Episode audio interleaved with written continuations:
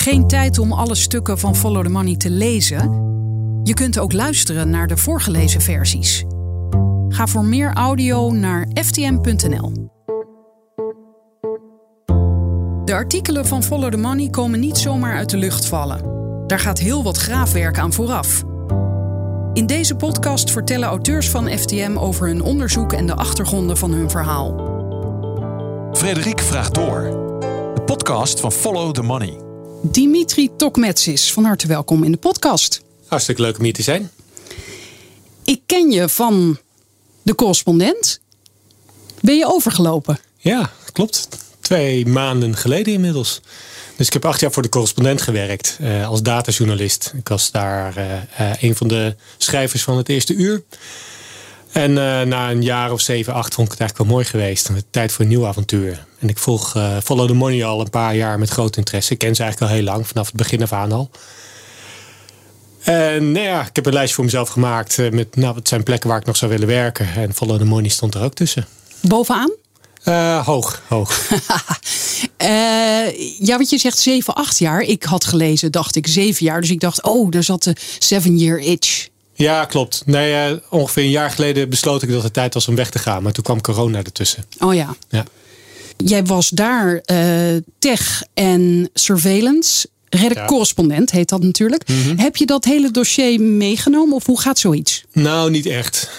Um, het werkt meestal zo met specialisaties dat als je er eenmaal aan begint, dan uh, kom je er nooit meer vanaf. Dus uh, ik heb over heel veel dingen geschreven. Uh, tech en uh, surveillance is er één van. Ik heb er ook een boek over geschreven. Dat is een bestseller geworden. Dat is allemaal heel leuk. En dat is dat boek Je hebt wel iets te verbergen. Je hebt wel iets te verbergen, inderdaad. Over de waarde van privacy. nou, het is een prima boek en met veel plezier aan gewerkt. maar op een gegeven moment word je natuurlijk wel steeds weer in dat onderwerp getrokken. Uh, ondertussen heb ik wel andere dingen gedaan. Ik heb heel veel met online radicalisering heb ik gedaan. Bijvoorbeeld uh, uh, gekeken naar YouTube. En me uitgevogeld hoe werkt het nou, die radicalisering op YouTube. Hoe mensen dan langzaam in een soort rabbit hole van video's worden getrokken. nou, uitgebreid onderzoek over gedaan. En nog heel veel andere dingen. Ehm, maar ja, ik werd altijd wel weer naar die technologie getrokken. En, getrokken of geduwd? nou, meer geduwd dan getrokken moet ik eerlijk zeggen. Uh, ik vind het natuurlijk interessant hoor. En je weet er veel van. Maar het is ook wel heel comfortabel om daar steeds weer in te gaan. Want ja, je kent het goed. En ik heb nu zoiets van, nou, ik wil wel eigenlijk wat anders gaan doen. Gewoon weer eens een nieuw onderwerp uh, aanboren. Maar het hoofdding wat ik doe is toch het werken met technologie doorgaans. Dus ik ben wat, wat men noemt een datajournalist. Ik vind het zelf een beetje een misleidend woord. Omdat uh, bij data denk je heel snel aan cijfers en dat soort dingen. Terwijl daar doe ik niet zo gek veel mee. Maar uh, wat ik al heel lang probeer te doen is uh, nieuwe uh, digitale bronnen aanboren die ook voor journalistiek onderzoek kunt gebruiken. En dan kun je bijvoorbeeld denken, nou ja, zo'n YouTube onderzoek. wat we daar hebben gedaan is heel veel data binnenhalen via de achterkant van YouTube. gewoon rechtstreeks vanuit de database. Maar de achterkant van YouTube, hoe kom je daar dan? Nou, daar moet je voor programmeren. Dus uh, je hebt wel technische vaardigheden daarvoor nodig. Uh, YouTube maakt dat gewoon mogelijk om dat te doen. Dan kun je een programma Zij weten schrijven. dat daar mensen af en toe uh, naar de achterkant ja, gaan. dat bieden ze aan. Ze hebben liever okay. dat je gewoon via de achterkant gaat. Dan kunnen zij nog een beetje zien wat er allemaal gebeurt. Dan dat je een programma schrijft die dan YouTube bezoekt en dan van de voorkant allemaal dingen gaat wegtrekken. Maar we hebben daarin gekeken naar allerlei kanalen en hoe die kanalen naar elkaar linken en wat voor mensen daar nou onder, uh, onder video's posten. En waar die mensen vervolgens allemaal naartoe gaan. Dus we hebben eigenlijk het hele radicaliseringspad van al die mensen in kaart gebracht. Nou, daar heb je heel veel technologie voor nodig. Daar moet je voor kunnen programmeren om er binnen te halen. Vervolgens moet je het natuurlijk kunnen analyseren en kunnen duiden. En nou, dat is het soort werk dat ik doe. Dus ik doe heel veel van dat technische uitdenkwerk. Het verzinnen van nieuwe methoden om aan ja, extra informatie te komen eigenlijk. Die normaal gesproken in de journalistiek niet zoveel wordt gebruikt. Nee, het voelde, moet ik ook zeggen, bij in jouw eerste vergadering waar je bij was. Uh, als een enorme verrijking. Ik dacht van, oh, Dimitri, kom bij ons. Wat gaat er allemaal gebeuren? En een van de eerste dingen uh, was dat jij inderdaad aanbood aan de collega's om een workshop te volgen over zoeken op het internet. En hoe kan je dingen uh, vinden die onvindbaar lijken. Ik wilde me daar toen ook voor aanmelden, maar dacht, nou laat ik eerst gewoon even de onderzoeksjournalisten voor laten gaan. Dat soort dingen ga jij dus brengen eigenlijk bij Follow the Money. Ja, onder andere. Dus dat is open source intelligence wordt dat genoemd. Hè. Dus eigenlijk, nou ja, er is een hele discussie gaande. Er zijn mensen die zeggen, ja, dat is gewoon Google voor gevorderden. Het is wel iets meer dan dat. Het is eigenlijk heel creatief omgaan met hele verschillende data die gewoon publiek toegankelijk zijn. Op de een of andere manier. Bellingcat is een, bijvoorbeeld een organisatie die daar veel mee doet. Ja, laten we die heel even Mhm. iets nader toelichten. Dat is een onderzoekscollectief, kan je dat noemen? Hè? Eh, zij, nou ja, leg jij het maar uit eigenlijk. Nou ja, ze zitten hier in Nederland, hebben ze hun kantoor eh, van oorsprong Brits, of eigenlijk internationaal. Maar dat zijn, nou ja, je kan het beste beschrijven als een paar gasten die elkaar op internet hebben ontmoet. En allerlei, eh, van achter een laptop op de bank, eh, allerlei eh, maatschappelijke problemen hebben opgelost. En een van de meest spectaculaire dingen die ze hebben gedaan, waardoor ze echt op, de, op het, in het vizier zijn gekomen van iedereen, is die, het onderzoek naar de MH17 eh, eh, vliegtuig dat toen is eh, eh, neergehaald door een boekraket. En wat zij hebben gedaan is allerlei sociale media met elkaar gecombineerd. Om op die manier te laten zien waar die raket vandaan kwam. Dus welk pad dat die raket heeft afgelegd eh, vanaf eh, voor het moment dat het werd afgeschoten ergens in de Oost-Oekraïne. Dus hebben dat helemaal. Omdat bijvoorbeeld, sorry, eh, sociale media aangeven, vaak aangeven waar je bent, hoe laat je er was enzovoort. Dat soort gegevens. Ja, en door te kijken van eh, geolokaliseren noemen ze dat. Dus dan kijken ze naar een beeld en dan door goed te kijken naar dat beeld kunnen ze achterhalen waar dat is geweest. Dus dan zagen ze bijvoorbeeld eh, video's van mensen in Rusland op een snelweg die eh, zo'n enorme boekraket voorbij zagen rijden achter op een vrachtwagen. Die ging dan naar het front eh, in Oost-Oekraïne. En dat soort video's hebben zij gevonden, geanalyseerd, kunnen achterhalen wanneer het was en waar het precies was. Dus het is eigenlijk een soort puzzelen voor gevorderden. En het internet laat ongelooflijk veel sporen na. En als je handig bent om al die sporen bij elkaar te weten rapen, dan kun je op een gegeven moment toch iets van een plaatje krijgen van nou, dit zou er wel eens gebeurd kunnen zijn. Eigenlijk is dat gewoon normaal journalistiek werk. Het punt is alleen dat heel veel journalisten die boot een beetje gemist hebben. De technologie Ja. om het zo te zeggen. Dus de journalistiek is toch nog best wel een heel conservatief beroep. En daar is op zich niks mis mee, want sommige methodes zijn belangrijk en die zijn goed. Die Gewoon het ouderwetse handwerk wordt het dan genoemd. Handwerk. Gewoon mensen bellen, wederhoor enzovoort, Ja, napluizen. Maar, ja, De, de, de eerste reactie van veel eh, journalisten is nog altijd eerst bellen. En eh, een ander moet eigenlijk de kennis aandragen. Terwijl, omdat er zoveel digitaal beschikbaar is, kun je dat soort kennis ook zelf naar je toe trekken. En dat soort informatie naar je toe trekken. En daar zelf dus mee aan de slag gaan. En om een ander voorbeeld te geven. paar- Nou, laten we heel even, Ja? sorry, de, de, de reden waarom eh, veel journalisten die boot hebben gemist, is dat niet omdat de meeste journalisten alfa's zijn en geen beta's en, en het al snel eng vinden of denken dit kan ik helemaal niet? Ja, de- precies. Maar ik ben ook een alfa. Dus Jij bent ook een alfa? Ja hoor, ja. Oh, dat is hoopgevend. Ja, nee hoor, ik heb eh, geschiedenis gestudeerd. Dus eh, niks beta's aan. En eh, eh, pas toen ik in Amerika woonde, in 2008 ben ik naar Amerika verhuisd. Ik had daar tijd over, om het zo maar te zeggen. Want ik had gewoon niet zoveel werk. Eh, Jij was daar naartoe gegaan als correspondent, hè? ja, als, eh, ik werkte daarvoor voor NRC Handelsblad. eh, wel als freelancer, maar eh, ja, daar kon ik gewoon van leven. En toen ging ik naar Amerika met mijn vrouw mee. Die is eh, eh, hoogleraar. Die kon daar eh, aan de universiteit aan de slag een paar jaar. En ik dacht, nou, dan ga ik wel wat correspondentenwerk daar doen. Eh, dat viel alleen een beetje tegen in de praktijk. Omdat de hele markt was al helemaal verdeeld. En je komt gewoon niet aan elkaars opdrachtgevers. En NRC had er al iemand zitten. Dus ja, ik moest dat allemaal weer vanaf de grond af aan opbouwen. Dan had ik geluk dat mijn vrouw heel veel verdiende. Dus er was niet zoveel druk op mijn eh, schouders wat dat betreft. Maar ik moest wel eh, ja, gewoon aan de bak. En een van de dingen die ik daar toen zag... was wel dat toenemende gebruik van data. Dus nou, op dat moment kon ik ook nog geen Excel-sheet openen.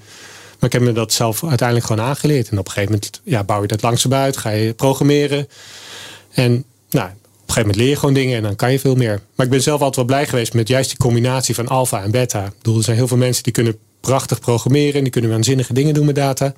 Maar die kunnen vervolgens het verhaal niet vinden in al die data en al die dingen die ze vinden. En als ze het wel vinden, kunnen ze het niet vertellen. Juist. En er zijn heel veel alfa's, de journalisten, die juist die beta-kant in missen. Dus je hebt mensen nodig die een beetje zo'n brugfunctie kunnen vervullen tussen die twee werelden. En nou ja, ik, ik, ik denk dat dat aardig kan in ieder geval. Je hebt goud in handen. Nou ja, het, het is, eh, het is geen slechte plek om te zitten, nee. En nu zit ik te denken, Bellingcat, wat je noemde, Mhm. dat stond dan vast ook op je lijstje waar je best zou willen werken. Eh, eerlijk gezegd niet zo. Oh, Nee. Nee, ik eh, wer- werk toch liever bij... Ja, ik vind Bellingcat ik vind het een hele mooie organisatie. Ik ken die mensen ook goed. Maar... ehm, nee, ik werk wat dat betreft toch liever bij een iets meer klassieke organisatie. Die eh, wat meer journalistiek in hun bloed hebben. Want ik vind Bellingcat, ze maken mooie dingen. Maar dat is nou typisch ook zo'n club die het niet zo goed kan vertellen, uiteindelijk. Ze werken heel veel samen met andere media, zoals Der Spiegel bijvoorbeeld. En nou ja, als ze dan een publicatie hebben, dan lees ik liever Der Spiegel erover. Want dan weet je gewoon, dat is goed verteld, dat is extra nagecheckt. En Bellingcat is toch veel meer op, kijk eens hoe we het hebben gedaan. In plaats van dit is het verhaal en ik ga je niet zo heel spannends vertellen. Dus uh, ze missen een beetje die journalistieke slag nog. En je volgde Follow the Money al vanaf het begin, zei je net. Wat was toen jouw indruk? Uh, ik vond het een hele leuke club. Uh, ik kende Erik, ik kende ook Jesse Frederik die daar toen nog werkte. En later mijn collega bij de correspondent is geworden. Um, maar ja. vond jij dat zij in het begin uh, het verhaal goed konden vertellen? nee, nee, nog niet. Nee. Je ziet echt dat het de laatste jaren veel beter is geworden. Bijvoorbeeld dat er betere eindredactie en dergelijke plaatsvindt. Dus ik, ik vond altijd de onderwerpen die ze aansnijden heel goed. En echt noodzakelijk. En ik denk dat Follow the Money er echt wel een gat in vult. Een noodzakelijk gat. En ik vind de hele drive die erachter zit, vind ik heel goed. Ik kan me ook echt goed vinden in de missie. Dus uh, dat het niet allemaal om de winsten draait voor het eigen bedrijf. En dat alles wat er wordt verdiend in principe weer teruggaat naar de journalistiek. Um, dat er geen advertenties zijn, dat is heel belangrijk. Maar ik merkte wel dat de kwaliteit soms te wensen overliet. Dat, uh, ja, het hoort er ook bij als je groter wordt dat de verhalen beter worden en beter worden verteld. Ja, en inmiddels is er behoorlijk geïnvesteerd in eindredactie. Ja. Ik moest nog wel lachen. Vandaag in de vergadering ging het over uh, de commentaren van lezers onder de artikelen. Ja. En mij was opgevallen dat de laatste tijd een paar keer iemand schreef: ja, maar ze hebben er ook helemaal geen eindredactie bij Follow the Money. Die journalisten mogen gewoon maar schrijven wat ze willen. Uh, de, kennelijk is nog niet iedereen ervan op de hoogte dat we, hoeveel hebben we er inmiddels? Vijf, zes eindredacteuren. Ja, en, en een artikel gaat langs. Nou, jij hebt nu je eerste of ooit heb je al eerder meegewerkt aan een stuk, maar je eerste artikel sinds je hier werkt. Um, langs hoeveel mensen is dat stuk gegaan, om even een beeld te geven? Nou, best veel, want we hebben twee hoofdredacteuren meegelezen. We waren met twee schrijvers natuurlijk. Uh, Henk Willem Smits. Henk Willem Smits. En, Ook nieuw trouwens, ja. die is van de Telegraaf overgelopen. Ja. Ik vind het leuk om het overgelopen te noemen. ja. Vluchtelingen. Iedereen, uh, iedereen loopt over. Um, nee, klopt. En uh, in ieder geval één eindredacteur nog. Mariette de Bruin. Die heeft nog meegelezen. En hoeveel wordt er dan veranderd? Um, nou, best veel. Want ik had eigenlijk... Viel je tegen eigenlijk? Ja, nou ja, het, het, is altijd een dynamisch proces op het einde. Uh, ik had een stuk ingeleefd van 1600 woorden. En ik dacht dat er, er ongeveer wel waren. Dat er nog iets bij moest komen. Want ik wilde het expres een beetje kort houden. Ik vind de stukken vaak te lang. Ja. Follow the money. Ja. Maar uiteindelijk is het op de een of andere manier het stuk toch uh, richting 32 à 3500 woorden. Ik weet het niet precies. Gegaan. Eh, en hoe dus kan dat? Is het dubbele? duizend woorden bij, uh, bij gerommeld. Dus ik denk, ik vond het wel een leerzaam proces. Ja, dat, en dat heeft denk ik te maken dat er te weinig tijd is op het einde nog. Om nog even op de rem te trappen. Want op zo'n laatste dag moet het eruit. En dan zijn er nog heel veel vragen. En dan heb je niet genoeg tijd om nog even te reflecteren. Eigenlijk zou je maar, er nog een dag tussen willen. Maar wat bedoel je dat er te weinig tijd was en daardoor is het lang geworden? Of? Ja, dat denk ik wel. Ik denk uh, um, als je een stuk inlevert. Uh, in dit geval hebben wij het op een woensdag ingeleverd volgens mij. Nee, een donderdagochtend. Um, en zaterdag moest het online. Dus ja, dan moet iedereen nog doorlezen. Dus de meeste commentaren heb je dan wel vrijdagochtend binnen. Maar dan nog, dan ga je het allemaal verwerken. Nou, eigenlijk zou je op dat moment, en toen was het 11 uur s avonds, vrijdagavond. Ja, het een weekend moeten meer. laten liggen. Ja, eigenlijk zou je even één dagje nog moeten laten liggen. Of één dag, ja. Ja, en dan even met een rode streep er nog doorheen gaan. En nog even de uh, 500 tot 1000 woorden eruit schappen. Dat had best gekund, denk ik. Is die, heb je die neiging eigenlijk wel eens? Want we, Follow the Money is natuurlijk digitaal. Dus je zou ook nog het, de, ja. de, de week daarna gewoon je stuk weer kunnen halveren. Of ja. is dat niet de bedoeling? Nee, als het staat, dan staat het. En dan moet iedere, iedere punt die gewijzigd wordt, moet je kunnen verantwoorden, vind ik. Dus dat kan niet. Een beter idee is dan om het gewoon korter te brengen en dan een week later een follow-up of uh, nog een ander stuk, een deel daarvan te brengen. En hoe ben je bij dit onderwerp gekomen? Want het stuk gaat over de lab leak theory. Ja. Uh, de theorie van het lek uit het lab in China. Het gaat over corona. Waar komt corona vandaan? Ja. Ooit in het begin van corona werd er wel eens gesuggereerd van ja, dat virus is ontsnapt uit het laboratorium in Wuhan. Uh, die theorie verdween toen, bij mijn weten, een beetje naar de achtergrond. En die is nu weer terug. Mhm. En, en waarom besloten jij en Henk Willem Smits en Follow the Money om daar aandacht aan te geven? Um, ja, ik werd eigenlijk daarvoor gevraagd. omdat ik met een ander project nog bezig ben. Dus op de achtergrond doe ik nog heel veel andere dingen. Dus dit was, om het oneerbiedig te zeggen, een beetje een tussendoortje voor mij. Ja, want je doet ook nog een studie trouwens. Ja, dat doe ik er ook nog bij. Oké, ja. ja daar, oké, daar gaan we het dan niet over hebben. Maar je doet allerlei dingen. Dit was een tussendoortje. Ja, uh, mijn eerste prioriteit is eigenlijk uh, het opbouwen van een datateam. Dat, daarvoor ben ik aangenomen. Uh, dus er werken meerdere datajournalisten. En mijn taak is om dat allemaal te professionaliseren. En daar veel meer mee te gaan doen. Dus op de achtergrond denk Nou, sterker nog, nu je dit zegt, herinner ik me dat ik bij dat stuk dacht: Hé, heb jij een stuk geschreven? Jij bent hier toch voor iets anders? Ja, Nee, het is ook de bedoeling dat ik ga schrijven. Oké, oké. Dus uh, dat, dat zeker. Daarnaast werk ik ook nog aan uh, andere onderzoeken. Samen met andere mensen. Dan wat meer een ondersteunende rol. Dus ik werk bijvoorbeeld mee aan het project van uh, Arne van der Wal. Over Bouwpunt Nederland. Dat doe ik veel met ruimtelijke data. Dus ik heb net een analyse afgerond naar alle vakantieparken in Nederland. Die heb, heb, ik in kaart gebracht. En wanneer zijn ze daar geplaatst? Van wie zijn ze? Et cetera. Zodat we daarmee kunnen gaan rekenen. En allerlei analyses op los kunnen laten. En om naar uh, Wuhan te gaan. Een ander onderwerp waar ik aan werk is, uh, gaat over China. Dus uh, Siem Eikelenboom is bezig met een heel project over de opkomst van China. En wij kijken al een tijdje naar de wetenschappelijke samenwerking. En een van de dingen die ik daarvoor doe is alle wetenschappelijke papers die zijn gepubliceerd tussen met Chinese onderzoekers en Europese onderzoekers. Die gaan we allemaal analyseren. Dus ik ben bezig om dat allemaal te verzamelen. Sinds ooit? Of? Nou, sinds ongeveer 2000. Uh, okay. Maar je ziet in het aantal publicaties dat neemt met name de laatste tien jaar neemt dat enorm toe. Daarvoor was het veel minder. En um, daarin proberen we allerlei patronen te vinden. En dat gaat dan over kennisoverdracht. Daar kan ik nog niet al te veel over zeggen.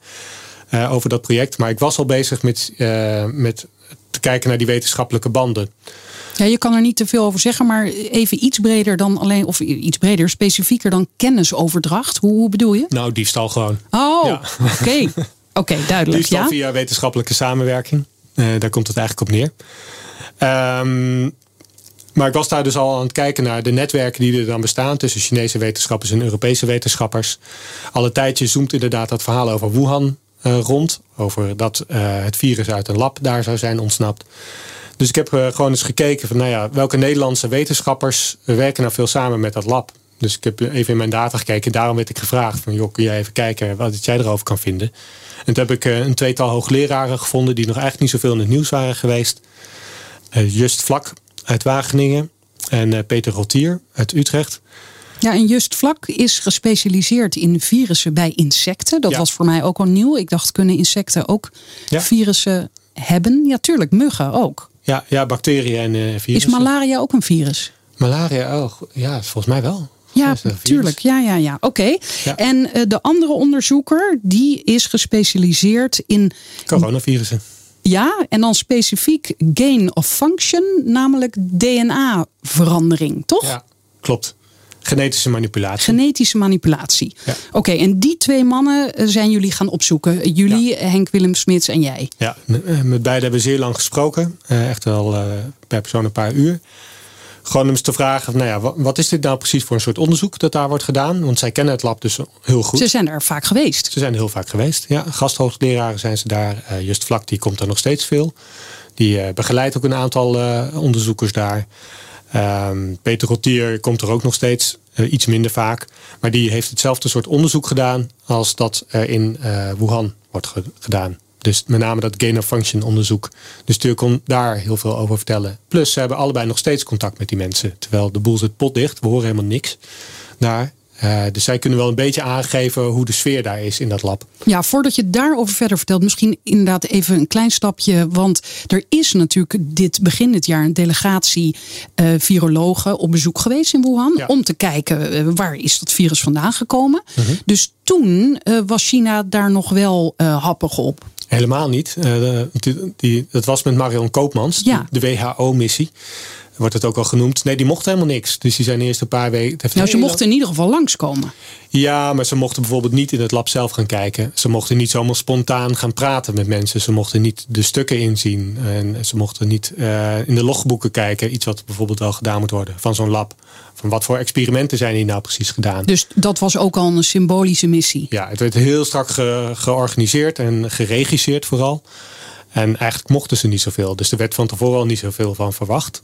En het was ook niet genoeg om de, de openstaande vragen te beantwoorden. Want die bleven dus en die zijn alleen maar aangezwekkeld daarna. Maar nu zegt China zelfs, nu mag er zelfs niemand meer langskomen. Ook niet onder begeleiding. Nee. Dus het is nog een graadje erger geworden eigenlijk. Ja, klopt. Nee, ze houden de luiken totaal gesloten op dit moment. Dus ik denk dat ze toch bang zijn dat de. Ja, of ze zijn bang dat de dingen naar buiten komen die ze niet naar buiten willen laten komen. Ja, persoonlijk denk ik dat die lab-leak-theorie helemaal niet waar is. Uh, er zijn weinig mensen te vinden die denken dat het waar is. Er is geen bewijs voor geleverd, op geen enkele manier. Er zijn alleen vragen die nog openstaan. Die waarschijnlijk best makkelijk beantwoord kunnen worden als ze meewerken. En dat doen ze niet. Ja, want dat schrijven jullie ook in het stuk. Uh, inderdaad, er is geen bewijs, maar er zijn wel rare dingen. Ja. En die zetten jullie op een rij. Mhm. En het eerste rare of opmerkelijke uh, is dan, ja, het virus is op een paar kilometer afstand van dat lab uh, voor het eerst aangetroffen. Ja. Is dat toeval, ja of mhm. nee? Maar dat kan dus niemand aantonen, kennelijk. Nee, het kan toeval zijn. Het kan, uh, nou ja, als het uit de lab komt, dan is het logisch dat het daar opduikt. Maar het is nu eenmaal ook een van de weinige laboratoria die dit soort onderzoek verrichten. Um, en het is in een gebied waar coronavirussen al lang voorkomen. En het is geen toeval dat juist in dit lab die coronavirussen worden onderzocht, want dat komt daarvoor. Uh, coronavirussen bestaan al, zijn al heel lang bekend. Die zijn al 50 jaar bekend ongeveer dat ze er zijn. Alleen de meeste kunnen geen kwaad. De meeste die, uh, hebben ook alleen maar betrekking op dieren. Die maken dieren ziek, maar niet mensen. Um, dus er is al heel veel ervaring met corona-onderzoek. Dus het is vrij logisch dat dit lab dit oppakt, omdat ze in, helemaal een gebied zitten waar dit voorkomt. Dus ja, het is net als een beetje uh, uh, met het NIOS, uh, dus het Nederlands Instituut voor, voor Zeeonderzoek. Dat zit op Texel en niet in Maastricht. Door ja, ze zitten dicht bij de zee. Je gaat daar zitten waar je, waar je onderzoek naar doet. daar kruip je een beetje naartoe. Dus ja, ik denk dat dat niet zo heel toevallig is dat juist dit lab daarmee bezig was. Nee, maar jullie je zeggen dat, zetten dat wel zelf onder dat rijtje opmerkelijke zaken. Ja, maar misschien is het dus niet opmerkelijk. Nee, dat zou kunnen. We, okay. ja, we weten het niet zeker. Dat is, het, dat is het punt. Daarom hebben we het er ook bij gezet. Ja, en dan is het volgende punt uh, matige veiligheidsomstandigheden. Ja, ja, er liggen een aantal beschuldigingen op tafel over die veiligheidsomstandigheden daar. Dus je hebt in, uh, in dit soort onderzoek naar virussen en bacteriën die gevaarlijk kunnen zijn, heb je biosafety levels, noemen ze dat. En dat is een schaal van 1 tot en met 4. Een biosafety level 1, dat is uh, weinig veiligheid nodig. Een biosafety level 4, dat is een enorme beveiliging. Dus dan lopen ze in van die maanpakken met drie dubbele sluizen overal. En, uh, en uh, met de drie hekken eromheen. En dat is helemaal afgesloten. Um, officieel staat het onderzoek naar dit soort coronavirussen moet plaatsvinden op BSL level 3. Dus nog niet eens het hoogste oh. niveau, maar op 3 moet het plaatsvinden. Tenminste volgens de Europese regelgeving. Dat verschilt per land uiteraard. Uh, en misschien, dit was natuurlijk voor deze pandemie, misschien dat dit wel aangescherpt gaat worden. Kan ik me iets bij voorstellen? Nou, tot nu toe niet. Uh, wat we daarvan zien, dat is iets waar we nog wel verder in willen duiken. Uh, hoe zit het nou precies? in Nederland hebben we volgens mij niet eens een BSL-4-lab. Dus, en ik weet in Utrecht wordt op dit moment ook naar coronavirussen onderzoek gedaan in een BSL-3-lab. dat zijn alleen wel verzwakte virussen, dus die niet meer zich oh, kunnen verspreiden. Ja. En dan noemen jullie ook, ja, want bijvoorbeeld bij level 2, dat is zoiets als bij tandartsen. Toen dacht ik, tandartsen, waar komen die opeens vandaan?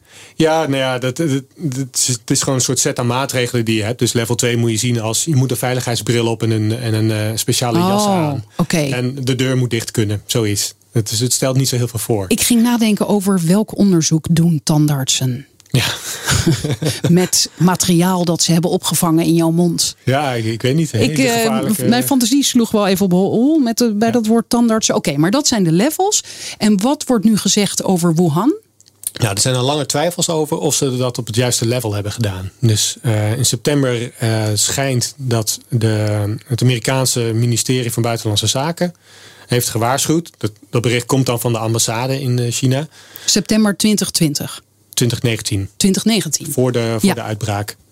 Um, dat er waarschuwingen zijn geweest dat dit soort onderzoek op uh, een te laag niveau zou plaatsvinden.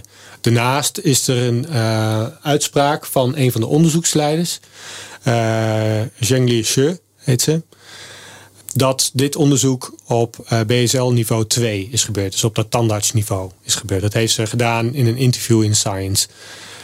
Dus daar zijn twijfels over. Nu blijkt het dat ze wel degelijk over BSL-3-labs en zelfs over een BSL-4-lab beschikken. En dat het uh, onderzoek daar waarschijnlijk daarin is gedaan. Dus hoe die BSL-2 nou in de wereld is gekomen, dat is niet helemaal duidelijk. Maar ja, dat is dus een van die dingen waar duidelijkheid over moet komen. En stel nou dat het inderdaad gaat om uh, level 2, is dan de kans groter dat inderdaad het virus dus ontsnapt kan absoluut, zijn? Absoluut. Okay. Ja, dat zou echt een, uh, een hele sterke. Uh, dat zou een smoking gun kunnen zijn. Maar heeft hij dit inmiddels. heeft ze er nog iets nieuws over gezegd? Van ik vergiste me of zo, of niet? Nee, het is helemaal stil daar. Ze mogen niks zeggen. Dus dit is die vrouw die ook wel Batwoman wordt genoemd. Hè? Want zij doet onderzoek uh, op vleermuizen. Ja, vleermuizen, waar het virus vandaan komt. Zo zeker is men wel. Het komt van vleermuizen ergens. Uh, het is ergens overgesprongen op mensen. Waarschijnlijk via een tussengastheer, een dier. Dus dat kan een, uh, een schubdier zijn geweest. Hoewel dat niet zo waarschijnlijk is. Maar ook een uh, civetkat. Dat is een bepaald soort kat die daar voortkomt. Um, dus ze weten nog niet zo goed wie, wie die tussengastheer is geweest. En daar is de grote zoektocht nu naar. Ik heb ooit uh, civetkat koffie gedronken, maar dit geheel terzijde. Hmm. Dat wordt, wordt gemaakt uit uh, die katten die eten dan de koffiebonen. En die poepen ze weer uit. En die gaan ze malen serieus. Heel lekker. um, goed, dat was in Indonesië. Oké. Okay. Oké, okay, dus dat is punt 2 van waarvan jullie zeggen, nou, dat, dat is misschien opmerkelijk. Uh, maar nog steeds geen bewijs. En dan heb je het gedraai en het stilzwijgen. Dat noemde je al een beetje. Ik las nu zelfs dat Wuhan, dat het lab, of nee, dat de overheid ontkent dat er gain of function onderzoek plaatsvindt. Dat, dat gaan ze nu ontkennen. Nou, dat is heel gek, want dat is gewoon vastgelegd in allerlei wetenschappelijke papers. Dus dat kunnen ze ontkennen, maar daar is gewoon vrijelijk over gepubliceerd. Dus dat, dat slaat nergens op. Nee, we hebben sterk de indruk als je praat met mensen die, uh, die dit dossier al langer volgen. Dat uh, China heel erg bezig is om de eigen versie van de oorsprong naar voren te brengen. En China zegt het komt niet uit China. Het komt vanuit een van onze buurlanden waarschijnlijk. Via bevroren vlees dat is geïmporteerd en is verkocht op een van die markten. Maar dat is heel onwaarschijnlijk dat dat is gebeurd. Uh, het zou kunnen, je kan het niet uitsluiten. Je zou het moeten onderzoeken. Maar die kans is gewoon heel klein. Uh, ik ben nog niemand tegengekomen, in ieder geval buiten China, die daarin gelooft. Die en, en die twee hoogleraren die jullie hebben gesproken, ja. wat zeggen zij van deze theorie? Onzin. Ja, ja ze, klinkt nou, Ze zegt iets wetenschappelijker. Ze zeggen het is zeer, zeer onwaarschijnlijk. Van dat het uh, zelfs uit een buitenland zou komen? Ja. ja. En wat zeggen ze überhaupt over de uh, lektheorie? Uh, onwaarschijnlijk. Ook. ook. dat ook? Ja. Omdat als zij zien hoe dit lab werkt. En ze zijn er vlak voor de uitbraak zijn ze er allebei nog geweest. Uitgebreid, uitgebreid gesproken ook met de, met de onderzoekers die daarbij uh, bij betrokken zijn geweest. Of zouden kunnen zijn geweest. Uh, en ze zeggen ja, nee, het is on, onmogelijk dat gezien het onderzoek wat ze daar hebben gedaan, gezien de omstandigheden waarin ze werken, de hoge kwaliteit van onderzoek wat daar wordt gedaan. Ze zegt het is ongelooflijk professioneel lab, is het. Draait mee in de wereldtop wat dat betreft. Het zou kunnen, niemand kan het uitsluiten. Het moet zeker onderzocht worden, maar het lijkt hen erg onwaarschijnlijk. Ook omdat die natuurlijke oorsprong, uh, die is al vaker vastgesteld. Ook bij de vorige corona-uitbraken, zoals SARS en MERS. SARS was in 2003, MERS in 2012, zeg ik uit mijn hoofd. Uh, dat waren soortgelijke virussen. Die zijn ook op die manier verspreid via een vleermuis en een tussengastheer in de mensenpopulatie terechtgekomen en uiteindelijk zich verspreid. Het vervelende van coronavirus is dat het zich alleen zo makkelijk verspreidt en daardoor zo dodelijk is gebleken. Maar het is in ieder geval duidelijk dus dat China uh, heel graag wil dat niemand denkt dat het uit China komt. Ja. Want dat vinden ze een blamage. Ieder land zou dat waarschijnlijk een blamage vinden, toch? Ja, maar uh, het is het effect of life zou ik zeggen. Ik bedoel, het is toch schandalig dat een land dit zomaar tegen kan houden. Dit is zo'n belangrijke vraag. Waar komt dit nou vandaan? En hoe kunnen we nou voor zorgen dat uh, dit niet meer gebeurt? En het is niet alleen China die hieronder geleden hebben. Laat wel, China gaat alles in goed inmiddels. Ja, dat komt ook door het systeem natuurlijk. Ik bedoel, eh, daar laat je het wel uit je hoofd om geen mondkapje te dragen. Of om opstand te komen. Maar de hele wereld leidt hieronder. Dus op zijn minst kunnen daar gewoon uh, antwoorden worden geëist. En worden gegeven op hele basale vragen die ja, het zijn geen rare dingen die worden gevraagd in China. Het is gewoon, doe een gezamenlijk onderzoek. Tuurlijk, de Amerikanen hebben wel de sfeer verpest door meteen naar China te wijzen. En Trump heeft zich buitengewoon kinderachtig gedragen. Maar ik denk dat er toch echt wel wat grotere belangen hier op het spel staan. En Was hij de eerste die riep van het, het is gewoon gelekt uit het laboratorium? hij heeft het heel erg lopen propageren toen de tijd. En heeft het natuurlijk ook de China virus genoemd. En er waren natuurlijk al heel lang spanningen. En het past ook binnen dat geopolitieke plaatje. Eh, dat China ook zegt van ja, we zullen jullie wel krijgen. Maar ja, dat, de wetenschap leidt er uiteindelijk onder. En ja, dus ook de volksgezondheid wellicht. Het zou heel handig zijn als ze weten waar het vandaan komt. Dat we niet over een jaar misschien weer op zo'n manier worden verrast. Door, eh, door zo'n uitbraak ergens. Ze zouden trouwens ook, bedenk ik me nu, kunnen zeggen: ja, eh, misschien is het wel gelekt uit het laboratorium, maar dat komt dan door de buitenlandse wetenschappers die hier allemaal werken. Want bijvoorbeeld de Amerikanen die subsidiëren eh, dat lab al ook al heel lang. Hè? Ja. En dat is weer een reden voor andere mensen om te zeggen: ja, en daarom wil Amerika hier geen verder onderzoek naar. Wat niet waar is, want er wordt onderzoek gedaan waar mogelijk. Ja. Maar dat zou een vrij makkelijke uitweg kunnen zijn. Van ja, een, een van die buitenlandse collega's die is onvoorzichtig geweest. Nou, ik denk dat zij gewoon op het, op het, eh, op het plan zitten. Wij gaan gewoon niks zeggen. En we wachten tot er een natuurlijke oorzaak wordt gevonden. En die wordt waarschijnlijk wel gevonden. Ja, Ja, ja er wordt kaart naar gezocht. Daar ben ik van overtuigd. En in augustus komt er ook weer iets anders naar buiten. Een rapport van eh, de regering Biden. Ja. Dat noemen jullie. Wa- Wat zal daarin staan waarschijnlijk? Nou ja, ze, Biden heeft eh, zijn inlichtingendienst de opdracht gegeven om onderzoek te doen naar, dat, naar die labtheorie. Dus omdat daar wel inlichtingen over beschikbaar zijn. Een van die inlichtingen is bijvoorbeeld dat, eh, dat een aantal medewerkers van het lab in oktober al ziek zouden zijn geweest en verschijnselen hadden die lijken op, eh, op eh, de symptomen die je hebt als je corona hebt. Dus ja, ik neem aan dat ze dat soort dingen verder gaan onderzoeken. En zou Bellingcat daar nog een rol in kunnen spelen? Zit ik te Ja, denken. Wie weet, wie Ja. weet. Sociale media is waarschijnlijk iets te vinden. Alleen het is wel lastig dan weer om met Chinese sociale media te gaan werken. Want die gebruiken geen Twitter en geen Facebook. Maar die hebben Weibo en eh, WeChat en dat soort dingen. Eh, die zijn heel lastig te onderzoeken. Zelfs voor jou. Ook voor mij, ja. Ja, we hebben toevallig laatst bij die Ocean cursus op de Follow the Money hebben we daar met een klein groepje aan zitten werken.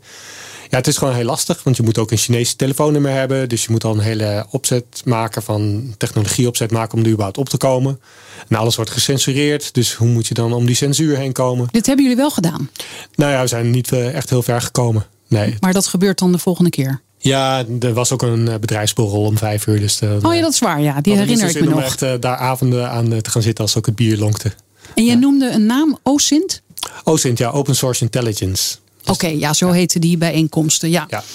Ehm, Oké, dus er komt een rapport van Biden. China blijft gewoon potdicht en stil. En bijvoorbeeld die hoogleraren die nog wel contacten hebben, die, die krijgen ook geen toegang meer tot hun voormalige collega's of huidige collega's? Nou, op zich wel. Ze kunnen ze nog wel bellen en spreken. Maar ze zeggen zelf ook van ja, wij zijn ook heel voorzichtig met dingen vragen. Want we willen ze niet in de problemen brengen. Ja, zij vermoeden ook wel dat eh, de telefoon eh, wordt afgeluisterd. En dat lijkt mij eerlijk gezegd ook heel eh, logisch. Die mensen staan zo in het brandpunt van de belangstelling. Ehm, dus ja, zij gaan dat ook niet uitlokken. Ze zijn in de eerste plaats wetenschapper. En het zijn vrienden die daar werken. Dus ze proberen gewoon een beetje hoogte te krijgen van wat daar gebeurt. Maar niet, ja, ze beseffen ook wel dat ze niet de ruimte hebben om het onderste uit de kant te halen op dit moment. Nee. En, en dan besluiten jullie het stuk met de uitspraak van Rotier die zegt: eh, ja, eh, het moet ook nog een beetje snel gebeuren, het vinden van die oorsprong. Want op een gegeven moment vervliegt het anders, dan wordt- wordt het een cold case. Eh, En dan noemt hij het voorbeeld van bij ebola is de oorsprong nooit gevonden. Nee. Nee, inderdaad. Ehm, ja, je hebt die tussengastheer moet je vinden. Hè? En hoe, hoe vind je zoiets? Dat kan op verschillende manieren. Je kan bloedonderzoek doen. Dus serologisch onderzoek noemen ze dat. En dan eh kijken ze naar antilichamen in het bloed. Of ze die kunnen vinden. Of je kan inderdaad eh, eh, levende dieren, kan je virusdeeltjes proberen aan te treffen. Of soms een dode, ik weet eigenlijk niet zeker of dat ook in dode dieren kan. Maar voor beide heb je dus eigenlijk wel dieren nodig, nog steeds. Eh, dus het virus moet er nog wel ergens zijn. En als al die dieren dood zijn, als er heel veel tijd tussen zit, dan vind je dat waarschijnlijk niet Ja, meer ja, terug. ja. En hij zegt dan ook, ja, dat vond ik wel interessant. Ja, er kan bijvoorbeeld onderzoek gedaan worden bij veeartsen die ooit een ziek dier hebben gehad in 2019 of nog daarvoor, daar bloed van hebben afgenomen, dat bloed nog bewaard hebben. Doen Ja. ze dat dan, veeartsen? Ja, ik denk het wel. Ehm, Gewoon in de ijskast ergens. Ik, ik ben niet helemaal thuis in de veeartsenij eh kunde. Maar ja, nee, die, die, die nemen wel monsters af. Soms, als, als, ik neem aan, als een dier onder hele verdachte omstandigheden doodgaat, bijvoorbeeld. Misschien voor later onderzoek. Of dat bijvoorbeeld een, een eh, lokale universiteit daar onderzoek naar doet. Dat zou kunnen dat er ergens nog wel dingen in de vriezer eh, liggen. Nou, en dan de reacties onder het stuk. Ja. Eh, ik vond één reactie wel interessant. van ja, mensen bevestigen van ja, het, is heel lastig om bewijs te vinden. Mhm. Maar welke gegevens zouden de genoemde experts kunnen overtuigen? Dus de mannen die jullie gesproken hebben. Dat het uit een lab komt. Ja, Ja, ehm, ik denk, eh, of ik weet eigenlijk wel, A, het soort onderzoek, eh, dat gain-of-function onderzoek, dus die genetische manipulatie moet daar zijn verricht. Eh, er moet onderzoek zijn gedaan naar dit soort virussen. Dus er moet iets gemaakt zijn dat een coronavirus gemaakt zijn dat op mensen kan overspringen. Dus dat zou moeten worden aangetoond dat dat is gedaan. maar dat gain of function, zei je net, dat staat gewoon vast. Dat is een feit. Dat is er. Ja, maar de vraag is of dat met dit virus is gedaan.